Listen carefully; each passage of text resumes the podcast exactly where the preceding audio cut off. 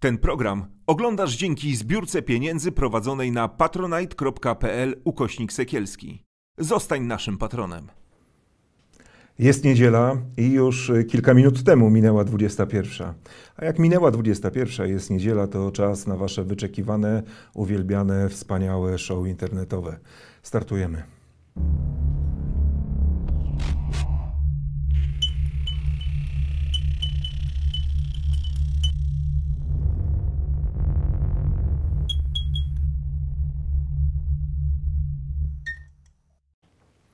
Tomasz Sekielski, to jest Sekielski Sunday Night Live. Dzisiaj trochę inaczej, e, bo z jednym gościem, Witold Jurasz, e, onet.pl, raport międzynarodowy, podcast. E, miał być też drugi gość, ale zapomniał o programie. Nie będziemy mówić, kto miał być. Nie, ale to zacny gość, więc ja będę musiał podołać temu, czego oczekiwałeś od takich dwóch gości, jednego zacnego i mnie. Troszkę się zawalił program. No ale jakoś damy radę. Pewnie, że damy. E, jak, jak dla Ciebie się rok rozpoczął? Bez szczególnych y, złudzeń co do tego, jak się on y, skończy. Y, bez szczególnych zaskoczeń, to znaczy ja nie spodziewałem się, że powitamy nowy rok bez wojny po sąsiedzku, ale równocześnie, jak muszę powiedzieć, że jakoś ja generalnie optymistycznie patrzę. Nie jestem Ukraińcem, tylko Polakiem. Tak? Gdybym był Ukraińcem, to, to, to, to byłbym w gorszym nastroju, ale powiedziałbym, że ten rok nie był taki zły dla Polski w gruncie rzeczy. No a ja cię pytam o to, jak ci się zaczął ten rok, a nie tamten. Jaki był? No, a ty wiesz, tak w ogóle z wysokiego poziomu uderzasz. Wojna, wiem jak się zakończy, czyli że znowu, że będzie wojna trwała, tak, do końca roku. Znaczy nie, no wiesz, no jest ambitny program, więc chciałem coś mądrego powiedzieć. Myślałem, że pożartujesz sobie jakoś tak. Chciałeś Przed programem coś... byłeś bardziej e, taki jakoś tak wesoły. Yy, Martwi cię, nie... że nie dojechał gość drugi? Usłyszeliśmy gościa, więc wiemy, że gość ma się dobrze i tylko zapomniał. No dobrze, dobrze. E, dzisiaj będziemy e, rozmawiać o tym, co dzieje się na froncie, co dzieje się na, e, na Kremlu, bo to chyba równie ciekawe, bo tam wśród siłowików przepychanki trwają i być może to też e, to, co się tam zdarzy, e, będzie miało wpływ w ogóle na sytuację na świecie. Ale najpierw chciałbym Ciebie zapytać o polskie bagienko polityczne. E, w tym mijającym tygodniu mieliśmy awantury, przepych, przepychanie niekonstytucyjnej ustawy po to, żeby mieć pieniądze z KPO, które są rzeczywiście nam potrzebne. Dzięki opozycji się to udało, ale nie wiem, czy zwróciłeś uwagę, po głosowaniu Mateusz Morawiecki komu podziękował? Szczerze. Nie wiesz? Nie, nie, nie, odnotowałem. Dzięki głosom opozycji to no przechodzi, tak, tak? Tyle wiem. Solidarna Polska przeciw. Mateusz Morawiecki wychodzi i mówi dziękuję naszym przyjaciołom Solidarnej Polski za konstruktywną rozmowę w ciągu ostatnich tygodni. No, Solidarna Polska to jest w ogóle e, takie dość ciekawe towarzystwo. Jak sobie e, rozmawialiśmy tutaj o pośle Januszu Kowalskim, e, którego darzę szczególną sympatią z racji znajomości z nim. Ale jak sobie pomyślę o panu ministrze Ozdobie, jak sobie pomyślę jeszcze o kilku innych dżentelmenach, no to powiedziałbym, że jest to taki odpowiednik salonu literackiego kiedyś. To są po prostu najbardziej subtelni intelektualiści w polskim Sejmie i mm, myślę, że to byłoby zaszczytne e, znaleźć się w takim gronie. E, a tak zupełnie na serio, to są e, panowie, którzy tak sobie wymyślili, że obejdą PiS z prawej strony, ale jako, że mają po prawej stronie jeszcze Konfederację, no to stwierdzili, że muszą jeszcze bardziej, prawda, jakby obejść. I tak już tak obchodzą, prawda, i obchodzą. E, no, tam jeszcze mm, przypominają mi się wybryki posła Kowalskiego i pani posłanki Siarkowskiej e, w czasie pandemii, kontrolę tak, tak. w domach dziecka ale, ale, tak ale, ale poseł Kowalski świetnie tańczy. Nie wiem, czy widziałeś, dzisiaj Widziałem. internet został zalany e, jego, znaczy nagraniami jego tańca. E, no, muszę powiedzieć, że wydawało mi się, że ja nie potrafię tańczyć, a jednak potrafię. A jednak potrafisz. No, powiem w ten sposób. Poziom e, cynizmu Solidarnej Polski jest niebywały, no ale niebywały jest również poziom cynizmu pana premiera Morawieckiego. Ja mam takie wrażenie, że to poparcie opozycji dla tej ustawy, niezależnie od tego, że jak zauważyłeś, ona jest niekonstytucyjna, wynika z jednego, mianowicie po pierwsze z tego, że te pieniądze rzeczywiście Polska potrzebuje, ale po drugie, bo myślę, że, że opozycja woli, żeby te pieniądze trafiły do Polski dzisiaj, niż miałyby trafić za pół roku. E, dlatego, że jakby miały trafić za pół roku, e, to PiS by zalał Polskę pieniędzmi i wygrałby wybory. I tak zaleje. I tak zaleje. No, ale natomiast to prowadzi mnie osobiście do takiego pytania, e, co z punktu widzenia wyborcy liberalnego, ale liberalnego w tym dobrym znaczeniu tego słowa, co jest lepsze, mianowicie, czy żeby PiS przegrał, czy żeby PiS wygrał. Ja osobiście uważam, że gnicie jest dobrym pomysłem na polską politykę. Czyli bym osobiście chciał, żeby, ta Polska, żeby te polskie partie szczezły i żeby, mówiąc krótko, polska polityka y, się odnowiła. To się nie stanie, jeżeli E, PiS e, przejdzie do opozycji, dlatego że on wtedy przetrwa w tej opozycji.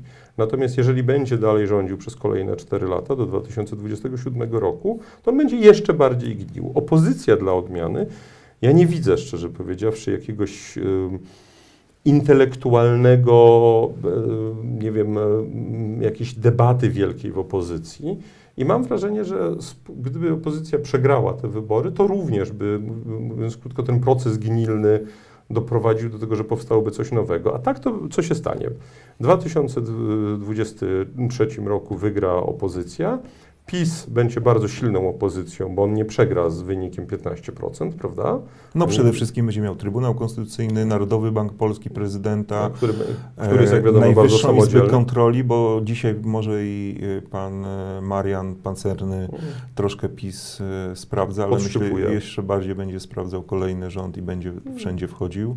E, wpływy w spółkach Skarbu Państwa, bo przecież tam wielu ludzi zostanie. No to to akurat łatwo wyczyścić. No wiesz, no łatwo, niełatwo. No, tam pamiętaj, że każda spółka ma spółkę córka, a spółka córka ma spółkę córkę, a spółka córka córki córki ma córkę też. No spółkę. i oprócz tego też się to można tak, że tak powiem, obić blachą te umowy, że trudno ludzi pozwalniać i tak dalej, i tak dalej. No to wszystko rozumiem. No, tym niemniej zastanawiam się, ja wiem, że to brzmi trochę prowokacyjnie, ale yy, ja bym chciał, żeby polska polityka się zmieniła, a nie jedynie, żeby władza się zmieniła.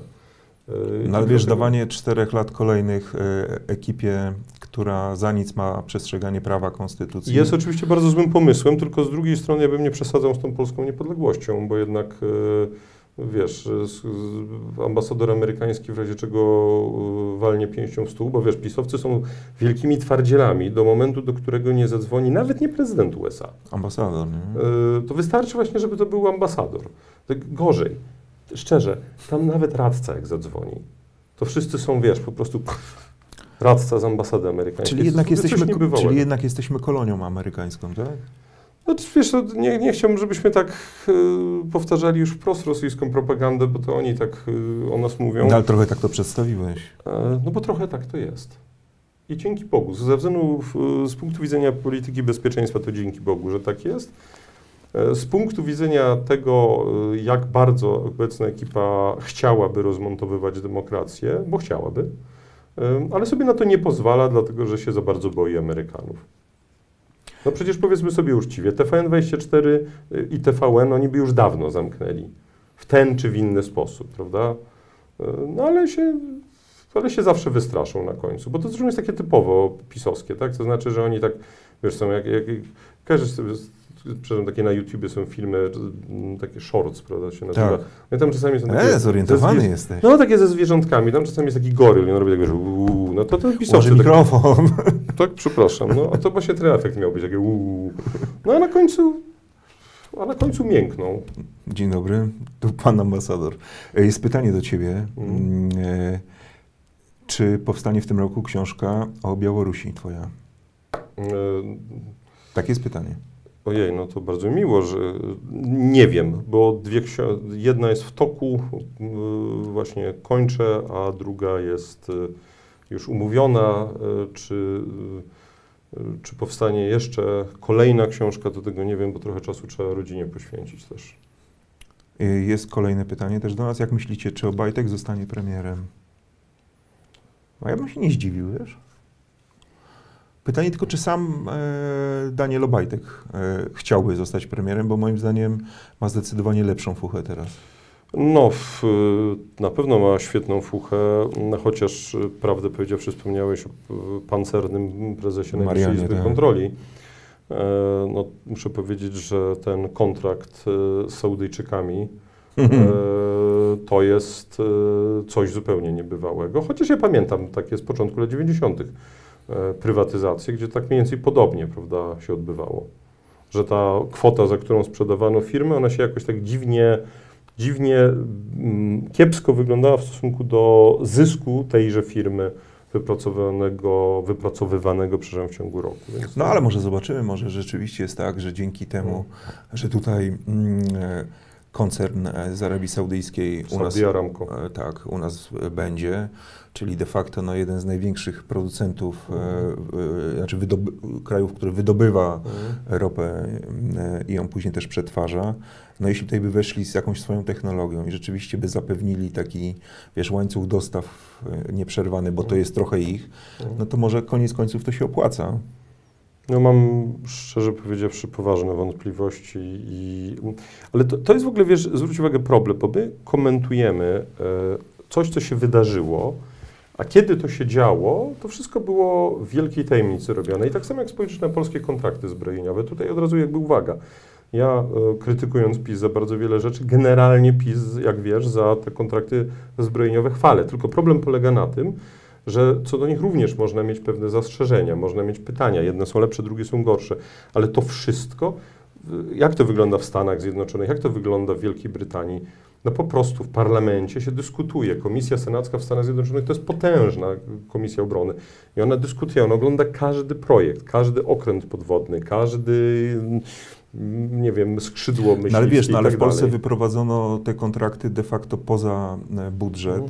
Mhm. E, Jest osobny fundusz, z którego to będzie finansowane. A wiesz, co jest, a E, wiesz, co Więc jest- tak, Mhm. te, te pieniądze będą wydawane już poza kontrolą parlamentu. A wiesz, to jest, to jest w ogóle najśmieszniejsze, bo ostatnio byłem na takim em, przyjęciu, gdzie em, ambasador państwa, które nam dostarcza bardzo poważną część uzbrojenia, było to... A, byłeś w ambasadzie francuskiej. Y, To akurat nie była francuska, ale nie powiem jaka.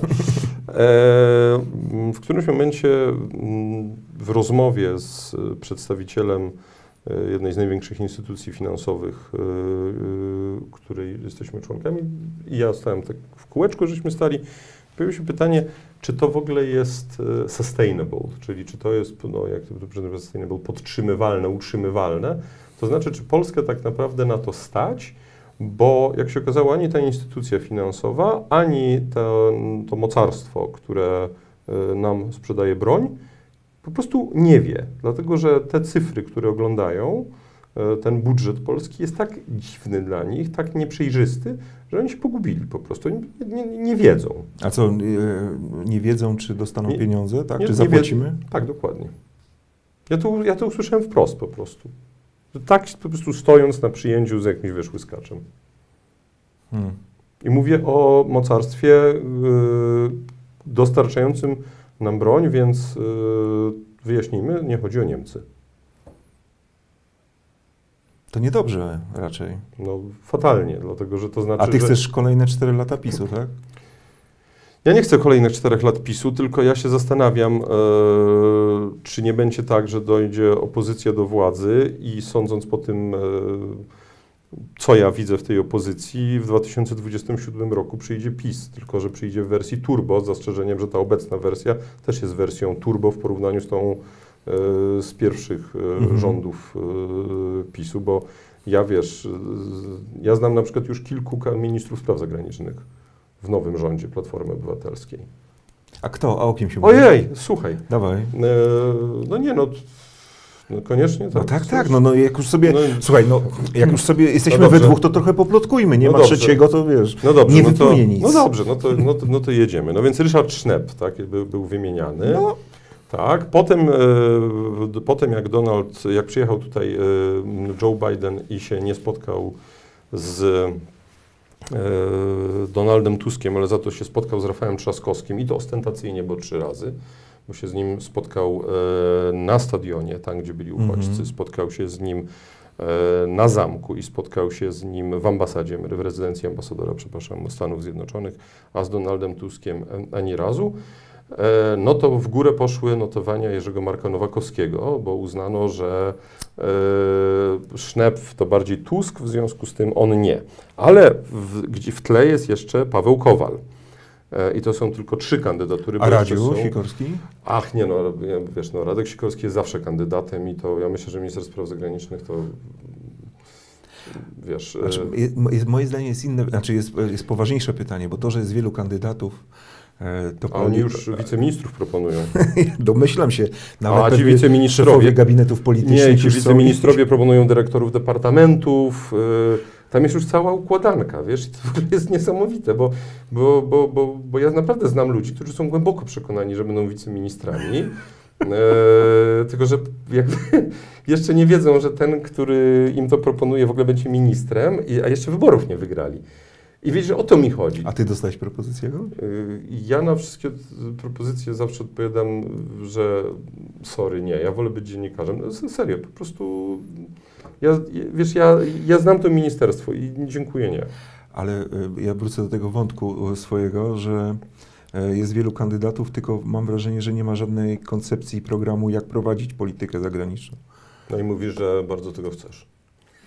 Nie, nie powiedziałem, że bardzo chcę. Znaczy bardzo, znaczy bardzo chcę. Znaczy Uważam, uważam, że że, chciałbyś, żeby było normalnie. e, żeby było normalnie, tak. Uważam, że, uważam, że e, Prawo i Sprawiedliwość e, niszczy państwo, jego instytucje e, i, zgadzam. i wprowadza olbrzymią nieufność ludzi e, właśnie do państwa jako takiego. Ale ja się z tobą pełnie zgadzam, słuchaj, wprowadza Niszczy państwo obywatelskie, samorządy niszczy y, i jeśli nawet nie odczuwamy tego na co dzień Mhm. w takim normalnym życiu i dlatego ten PiS ma takie poparcie, to y, w kontekście, jeśli się spojrzy na jakiś okres, nie wiem, następnych 5-10 lat, to wszyscy to odczujemy i zobaczymy, Tak, bo- do, bo- dokąd bo- to prowadzi. Słuchaj, no to ja powiem więcej, ja powiem nawet twardziej. No PiS wprowadza w tym kraju bolszewię, regularną bolszewię. Eee,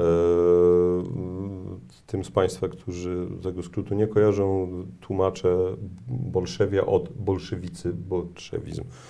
Eee, bo no, są paranoiczne po prostu rozwiązania, ustawy przepychane, brak jakiejkolwiek, jakiejkolwiek debaty i tak dalej, i tak dalej. Ja to wszystko, ja to wszystko wiem, no, ale tylko, że wiesz, e, e, znaczy, pi- pierwsze, e, ja przepraszam, ty jesteś ode mnie ciut starszy, nie? Ale chyba niewiele. Niewiele. Niewiele, ale nie rozmawiajmy o, wieku. No dobrze, no Bo ja ale, za chwilę mam urodziny, w ogóle to nie jest dobry okres. Okej. Taki do, no dobrze, no ale to spoko, no jeszcze do 60 nam trochę Jeszcze brakuje. trochę brakuje Jeszcze nam, przed tak. emeryturą zdążymy żyć w normalnym kraju chyba. Oby, Oby. oby. Oby. E, Wiesz co, bo e, chciałem Ciebie zapytać, e, wrócić do tego, od czego wyszliśmy od KPO, Mhm. bo ja w felietonie swoim w Newsweeku, który się właśnie ukaże, poświęciłem trochę uwagi właśnie temu zachowaniu premiera Morawieckiego, który wychodzi i dziękuję swoim koalicjantom, którzy byli przeciw, a on im dziękuję za konstruktywne rozmowy. Ja zatytułowałem to Gra w durnia. To jest taka rosyjska gra karciana i ty na pewno o niej słyszałeś. I, i problem w, z grą w durnia polega na tym, że nie ma zwycięzców.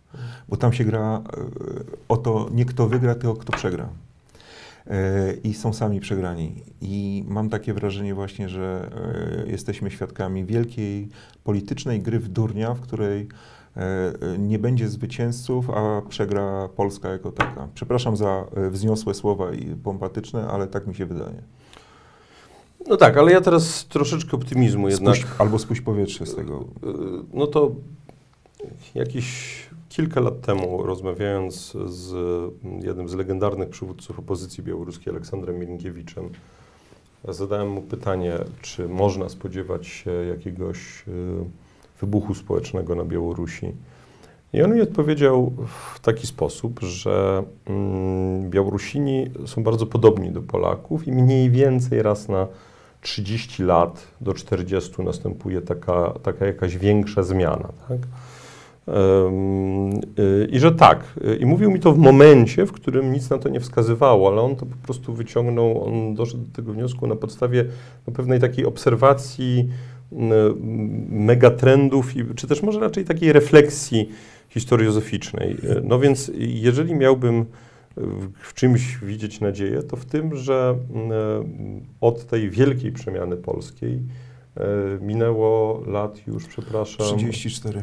Dokładnie, czyli mówiąc krótko, my jesteśmy w przededniu czegoś. Ja nie wiem, co to będzie, dlatego że gdybym, wiedział, to, to byłbym wróżką, a nie jestem.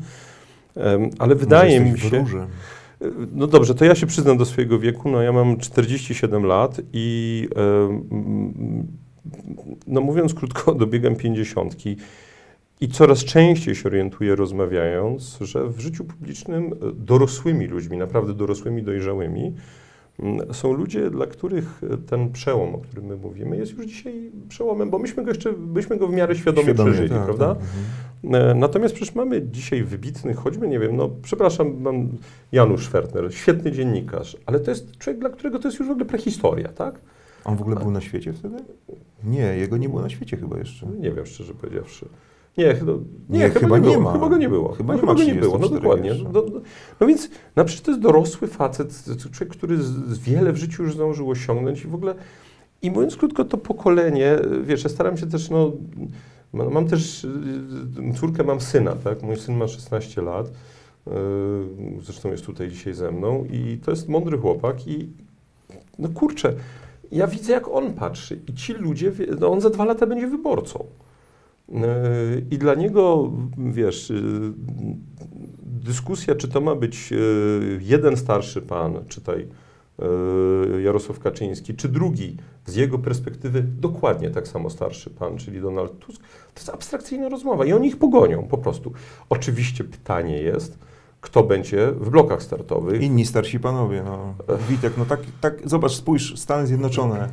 E, Na, nawet No to może nie, będą- starszy pan, tylko no po prostu no, no wiekowy pan został dobrze. prezydentem. No. Okej. A przegr przegrał inny wiekowy pan, który chce w kolejnych wyborach znowu startować. Ale ja nie miałbym nic przeciwko temu i jak sądzę, to ci młodsi od nas ludzie, żeby to byli starsi panowie, byli, byli, byleby tylko oni byli młodsi duchem, mówiąc krótko, bo można być, wiesz, wiekiem, peselem e, starym, a równocześnie być człowiekiem e, całkiem tu i teraz. Problem tych facetów polega na tym, e, że oni są już, no sorry, ale z minionej epoki. E, Joanna, nie wiem dlaczego panowie nie biorą pod uwagę scenariusza, gdy liderzy PiS pójdą siedzieć. Jak rozumiem, po przegranych wyborach. Znaczy, ja mogę odpowiedzieć. Mi się wydaje, że nie pójdą siedzieć. E, po prostu. Znaczy ja niezależnie od... mm, Znaczy, ch- znaczy, uważam, że trzeba rozliczać polityków, jeśli popełnili przestępstwa. Natomiast polska polityka od tych 34 lat, e, choć były ekipy i byli ministrowie, którzy Mhm. powinni usłyszeć poważne zarzuty i powinni Mhm. siedzieć, nic im się e, nie stało i kolejna ekipa nigdy aż tak boleśnie nie rozliczała poprzedników. Zobacz, nawet PiS, Mhm. który odsądza od czci i wiary Platformę Obywatelską, zarzucając agenturalność mm. działanie na usługach albo Kremla, albo Berlina, e, e, gadanie o wiesz, kontraktach gazowych, o tym wszystkim. Czy ktoś poszedł siedzieć? Sławomir Nowak, ale nie w związku z tym, co się działo No, w Polsce, Ukra- tylko, tylko jego w- w, w Ukrainie.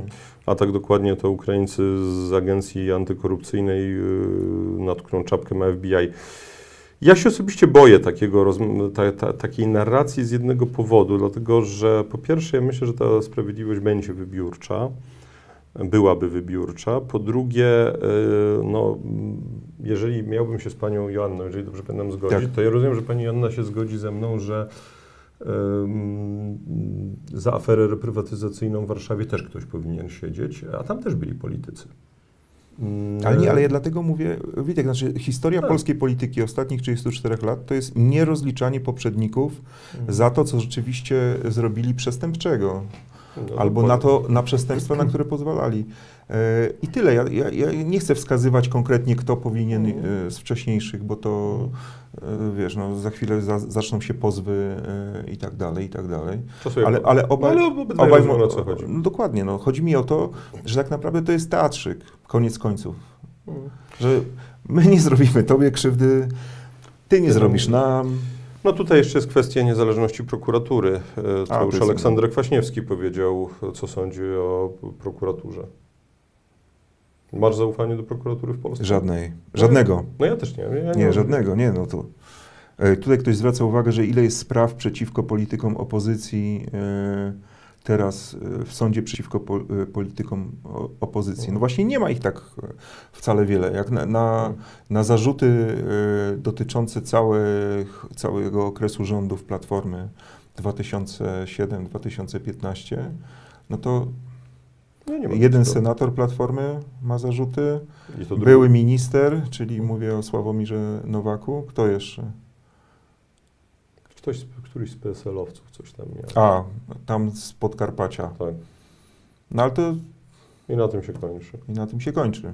To albo zarzuty, które się stawia, znaczy przeciwnicy polityczni stawiają sobie, są absolutnie Ja jestem- od czapy i wiesz, wzięte. Ja, jestem- ja, ja jestem przeciwny y, takiej narracji o wsadzeniu do więzienia, z, dlatego że ym, ja jednak jestem wielkim fanem y,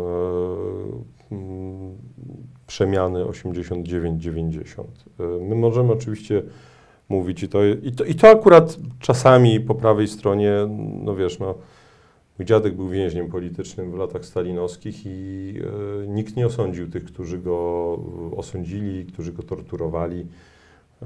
No i czy to jest ok? To nie jest ok.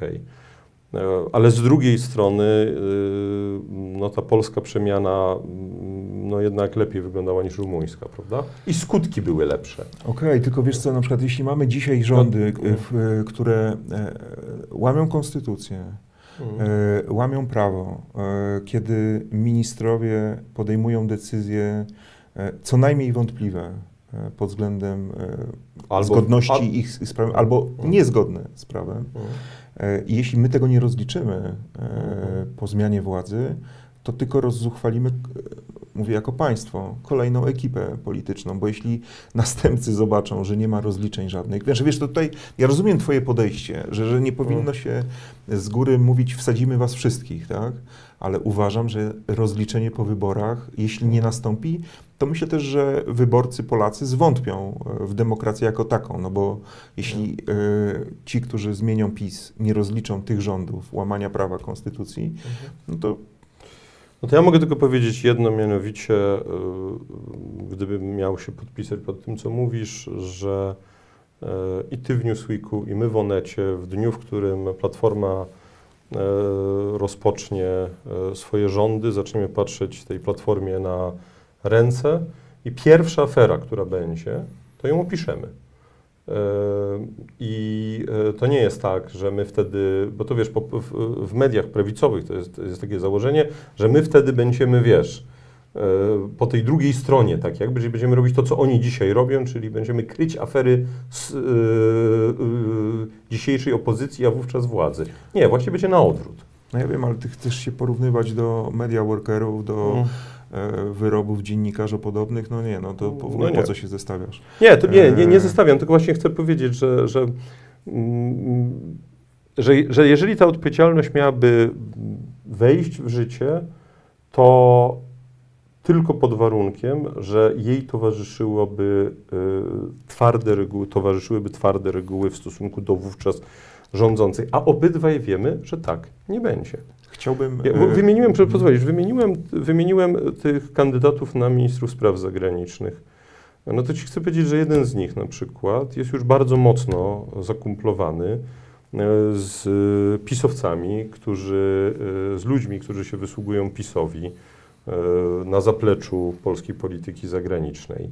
E, Dlatego, że oni mu dają zarobić, e, a on e, dba o to, żeby ich przeprowadzić e, suchą stopą do nowego układu.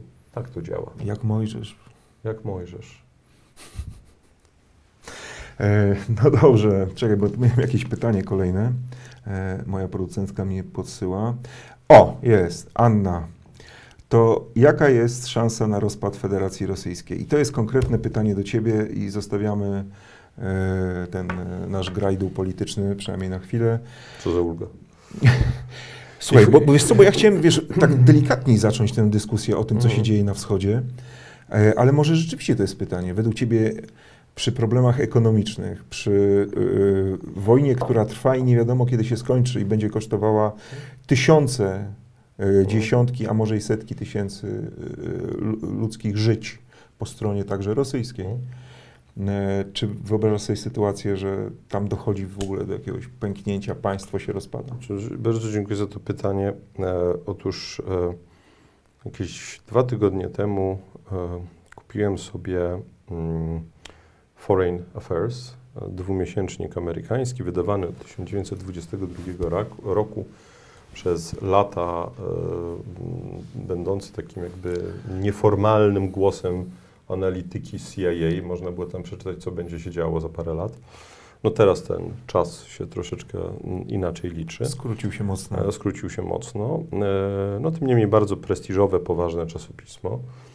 E, I równocześnie przeczytałem sobie tekst w New Eastern Europe, czyli w Polsce wydawanym czasopiśmie polityce wschodniej. W polskim czasopiśmie rozważano rozpad Rosji, w amerykańskim e, jak ustabilizować Rosję po upadku Putina i nie doprowadzić do gwałtownego jej, e, do implozji tego e, państwa. No i tak sobie pomyślałem, że to jest takie trochę zabawne, prawda? To znaczy, znowu, ja powiedziałem, że nie jestem wróżką.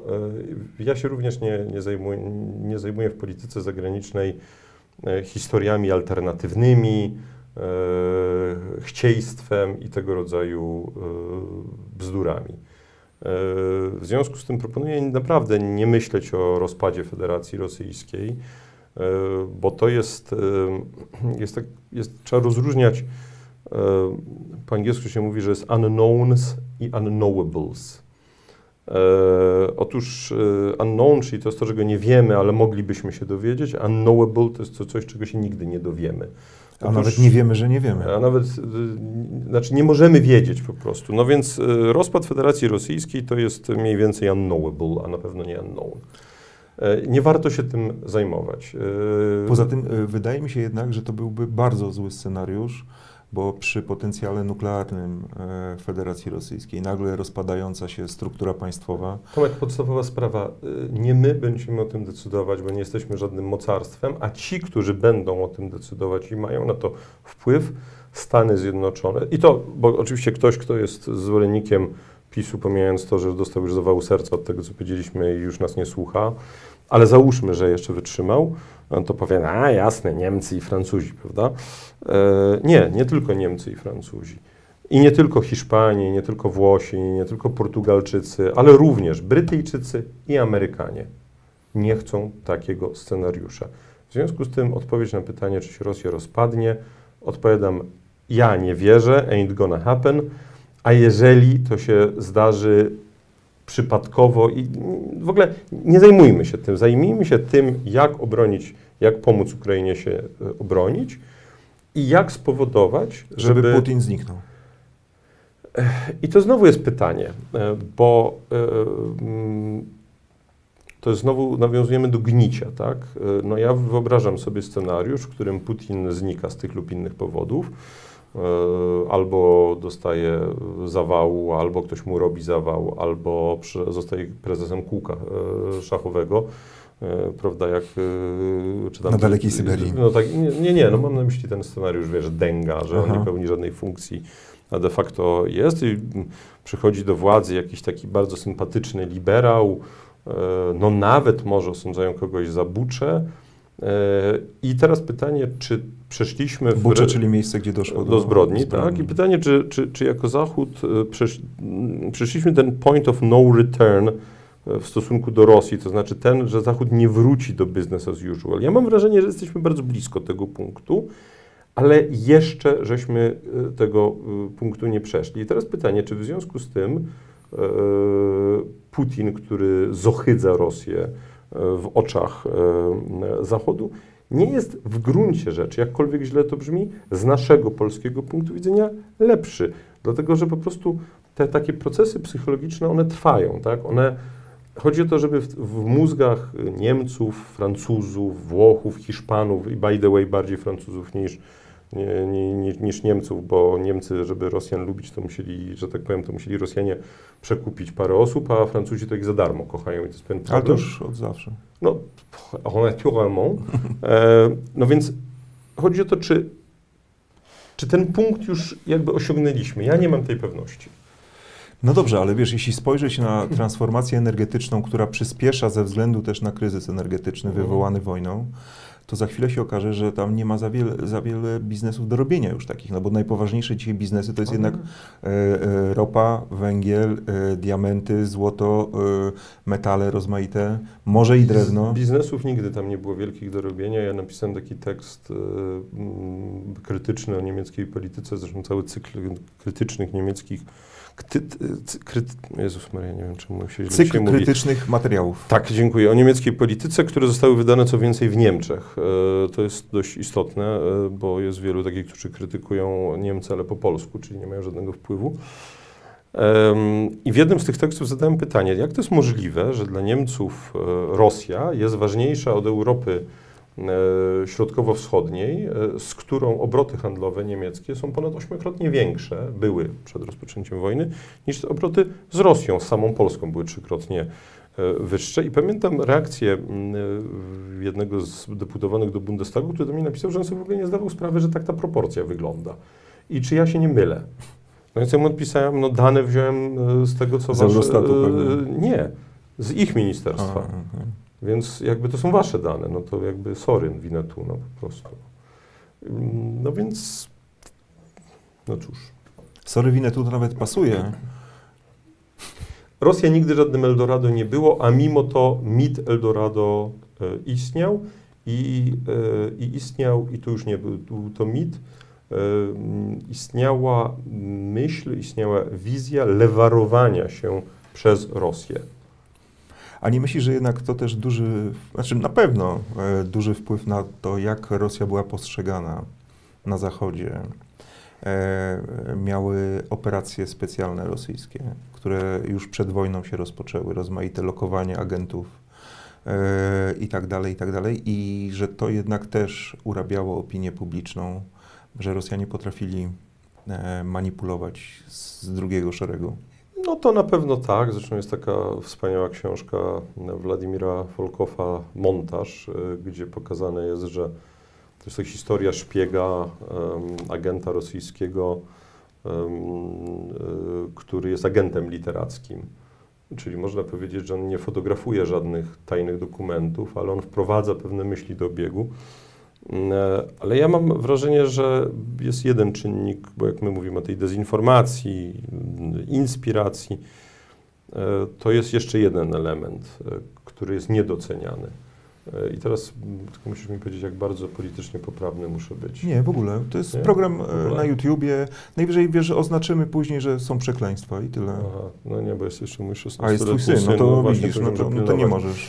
No dobrze, no ja, mam- ja mam wrażenie, że po prostu... Pewnie twój 16-letni syn nigdy nie słyszał przekleństw. Nie, absolutnie. E, e, dobrze. Śmieje się, widzę go. E, dobrze, zostawmy ten No, no. wątek, bo jeszcze powie kogo słyszał. E, ja mam wrażenie, że mężczyzn z Europy Zachodniej Rosja podniecała seksualnie. Co takiego? E, Dlatego, że widzisz, w Rosji e, faceci mogli dawać, czy mogą dawać, już teraz nie mogą, bo teraz to już trzeba pilnować, ale mogli dawać ujście z takim bardzo archetyp...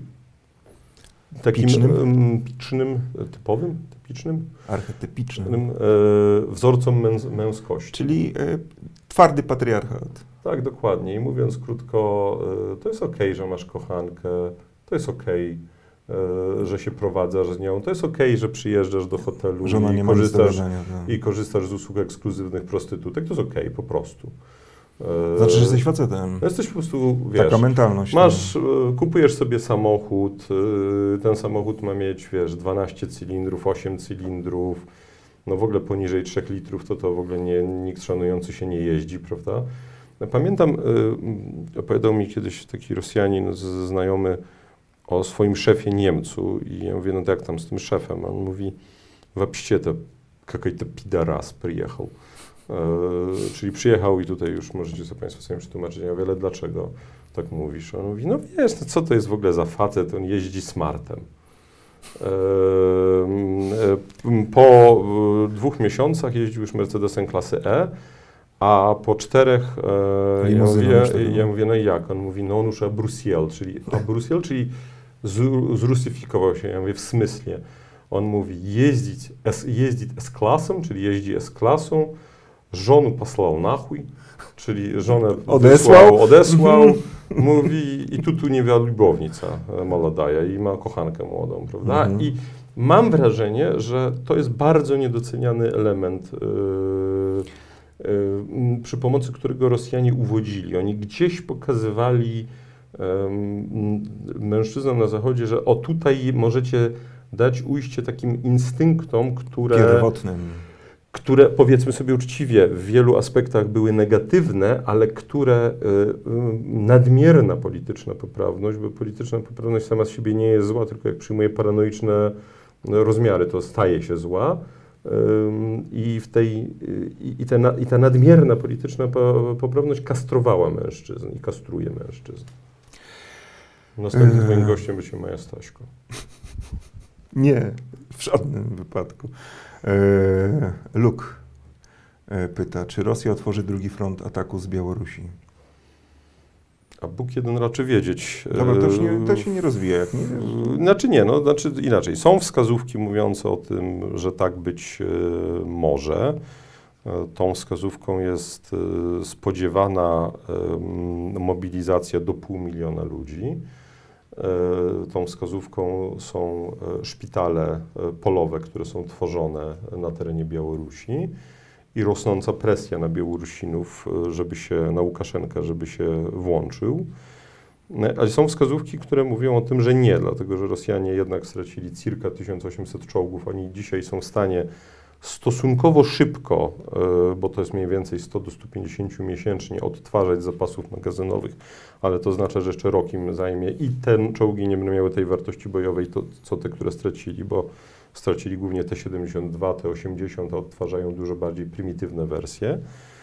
E, nie dlatego, że oni po prostu tracili mm, e, zdolności ofensywne w znacznym stopniu. Pytanie oczywiście, jaka jest wartość bojowa armii białoruskiej. No i wreszcie pytanie o ryzyko, bo ja wyobrażam sobie scenariusz, w którym atak z północy powoduje e, wybuch społeczny na Białorusi. E, bo Białorusini w przeciwieństwie do Rosjan raczej tej wojny nie popierają. Rosjanie niestety popierają. Tylko y, mogę minutę jeszcze Jeszcze oczywiście. Witku, tak pięknie opowiadasz. No nie, no to, to już...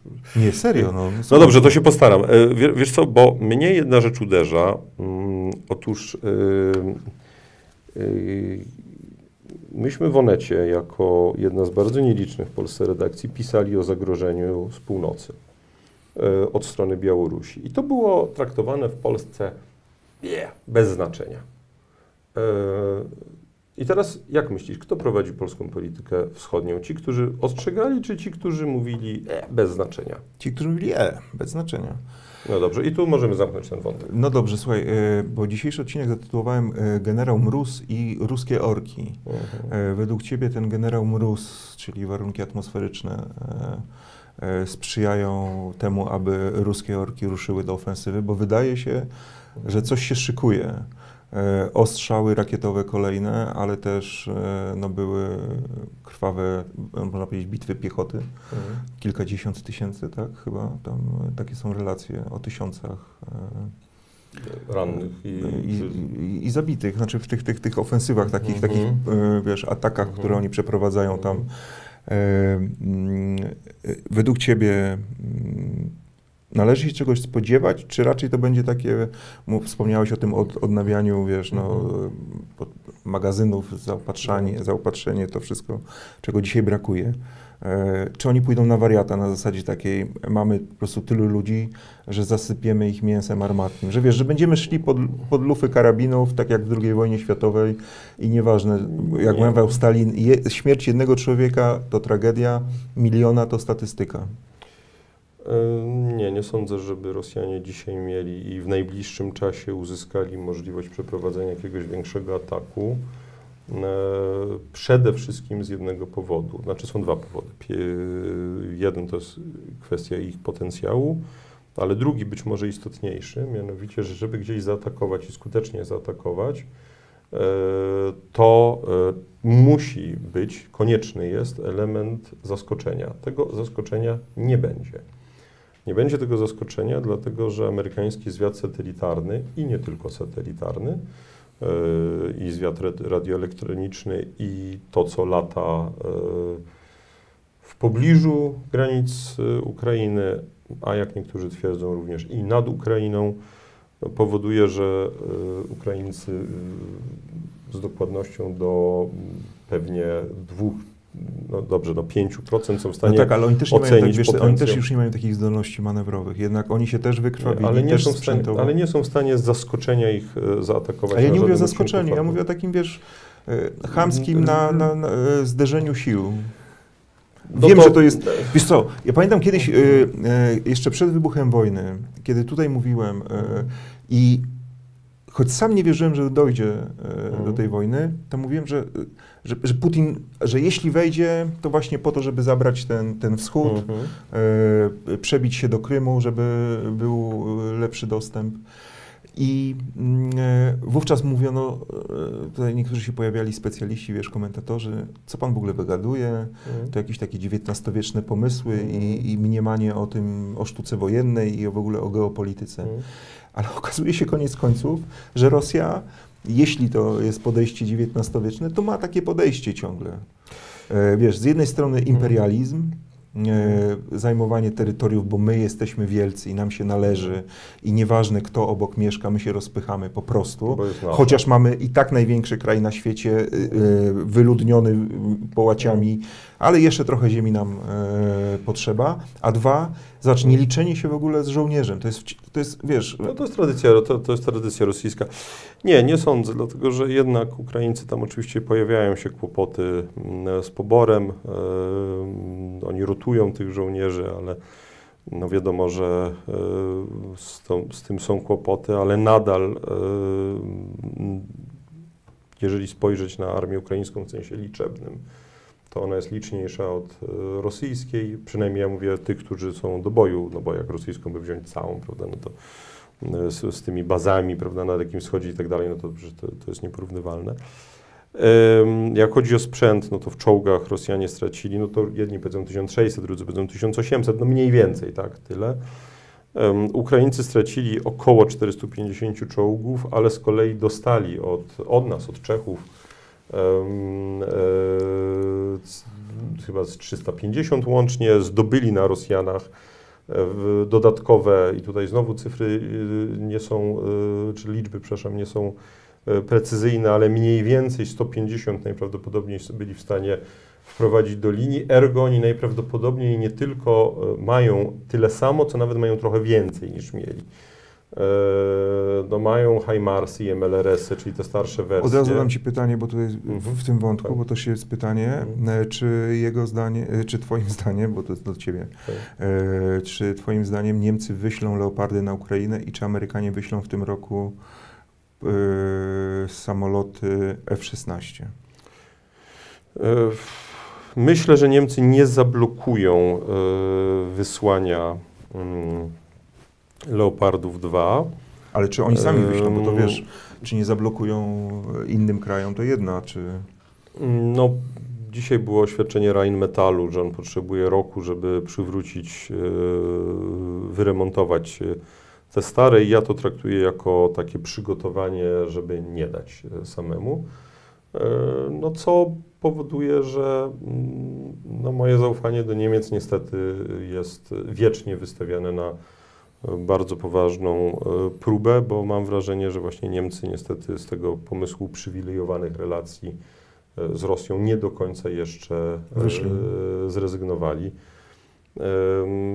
Ale to z punktu widzenia, to nie jest aż tak zasadniczo istotne, dlatego że jeżeli my damy 14, Finowie dadzą 14, Duńczycy e, dadzą, e, nie, nie pamiętam kto tam jeszcze. No też każdy ma wystawić mniej więcej po tyle samo, wiesz, tak. że taka, taka jest e, umowa. No to generalnie nie będzie, nie będzie źle.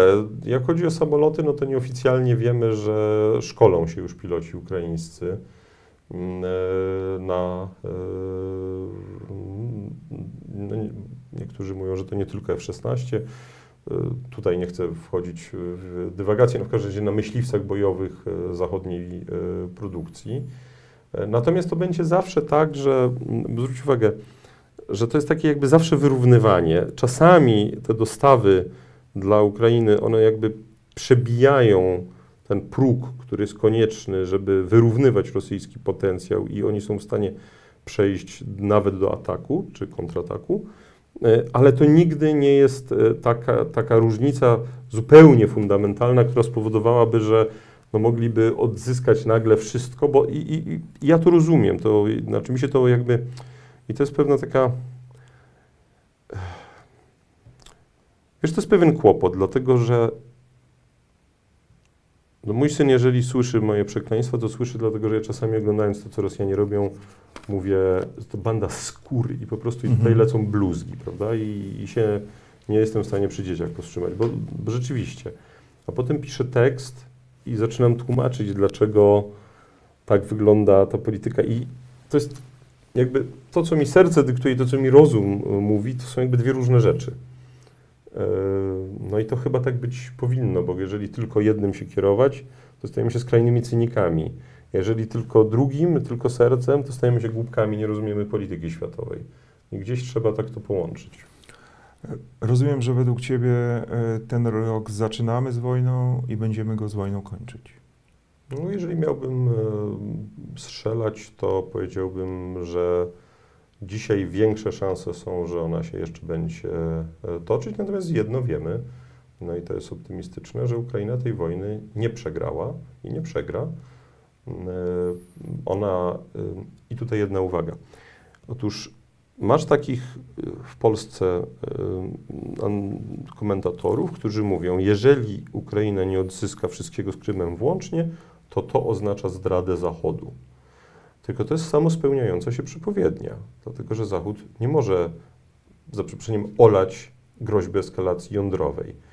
I teraz ci, którzy tak mówią, przedstawiają się jako, tako bar, jako, tacy, jako bardzo antyrosyjscy. Mhm. Ale zwróć uwagę, co jest zaszyte w tym, co oni mówią. Zaszyte jest, Zachód to są słabeusze. Zachód zdradzi, zdradzi Ukrainę, a z czasem Polskę. Dalej jest logiczne wnioskowanie. Skoro zdradzi, no to nie czekajmy aż nas zdradzi, tylko sami się na nich za przeproszeniem wypnijmy. Machnijmy na nich ręką, znajdźmy sojusz. Pamiętasz, by takie różne pomysły. Mm. Chiny, Turcja, cuda nie widy, prawda? Albo w ogóle sami. Tak jest środowisko geopolityków, jest, jest, jest, jest. tak, prawda, które...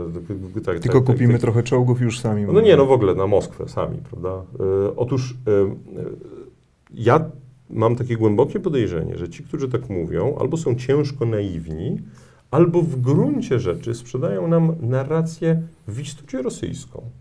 Tylko, że relacja rosyjska, ona może przychodzić do nas z zupełnie tej innej strony, tej takiej przedstawiającej się jako bardzo antyrosyjska. By the way, kojarzycie się to z czymś? Z bardzo antyrosyjskimi ludźmi, którzy dziwnym... Nie, no jest kilku takich, którzy są najbardziej antyrosyjscy w polskiej polityce, a robią rzeczy, które najbardziej Rosjanom służą. No więc okazuje się, że widzisz... Można? Nie Można. tylko oni, inni nie też. Oni. Witku, wspaniale y, zastąpiłeś, a inaczej... Starałem się. Minęła godzinka, patrz. Tak? Nie wiem, Krzysiu, a może ja będę brał tylko jednego gościa? Mojego syna zaproś. Jak tu jechaliśmy, to powiedział, że on, że on jest w stanie skomentować polski Sejm. Powiedział, że on ma 16 lat, jak na niektórych patrzy, to się czuje mądrzejszy od dorosłych. Ja się z nim zgadzam. I postawmy kropeczkę. Witold Jurasz, podcast Raport Międzynarodowy onet.pl. Bardzo dziękuję. Jeszcze na koniec pokażę Wam y, najnowszą okładkę. Uważam, że jest wyjątkowa.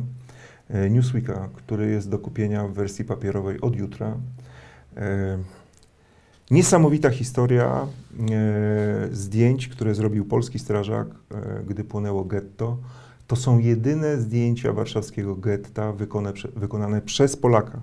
Wszystko to, co e, do tej pory jest pokazywane, to byli Niemcy, niemieccy, niemieccy fotografowie.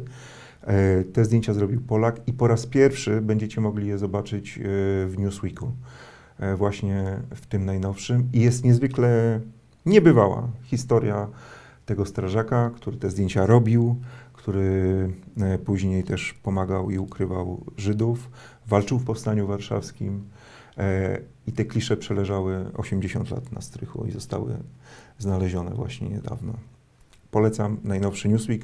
Tam również oczywiście o polskim piekiełku, o dużo politycznych tematów i innych. E, No i tyle. Witku, jeszcze raz Dziękuję bardzo, bardzo. dziękuję. Tomasz Sekielski. Do zobaczenia za tydzień. Ten program Oglądałeś dzięki zbiórce pieniędzy prowadzonej na patronite.pl ukośnik Sekielski. Zostań naszym patronem.